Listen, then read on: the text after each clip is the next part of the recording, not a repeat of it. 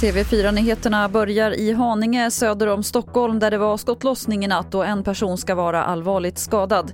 Vad som ligger bakom skottlossningen är oklart men polisen utreder det som försök till mord och två personer ska ha gripits. Så till Lund där ytterligare en skola har brunnit i natt och polisen tror att branden är anlagd. Och det har brunnit i flera skolor i Lund under våren och sommaren och de flesta bränderna tros vara anlagda. Men polisen kan ännu inte svara på om det finns något samband med branden i natt. I år fyller Öresundsbron 20 år och när den skulle byggas var det framförallt miljöaspekten som väckte starka känslor. Men idag mår Öresund bra och det är delvis tack vare bron. Bland annat har det bildats 73 kvadratkilometer musselbankar på pelarna som renar vattnet naturligt.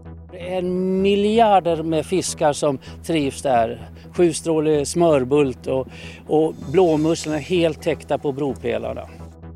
Det sa Mikael Palmgren som är verksamhetsledare på Marint kunskapscenter i Malmö. Och det var det senaste från TV4 Nyheterna. Jag heter Lotta Wall.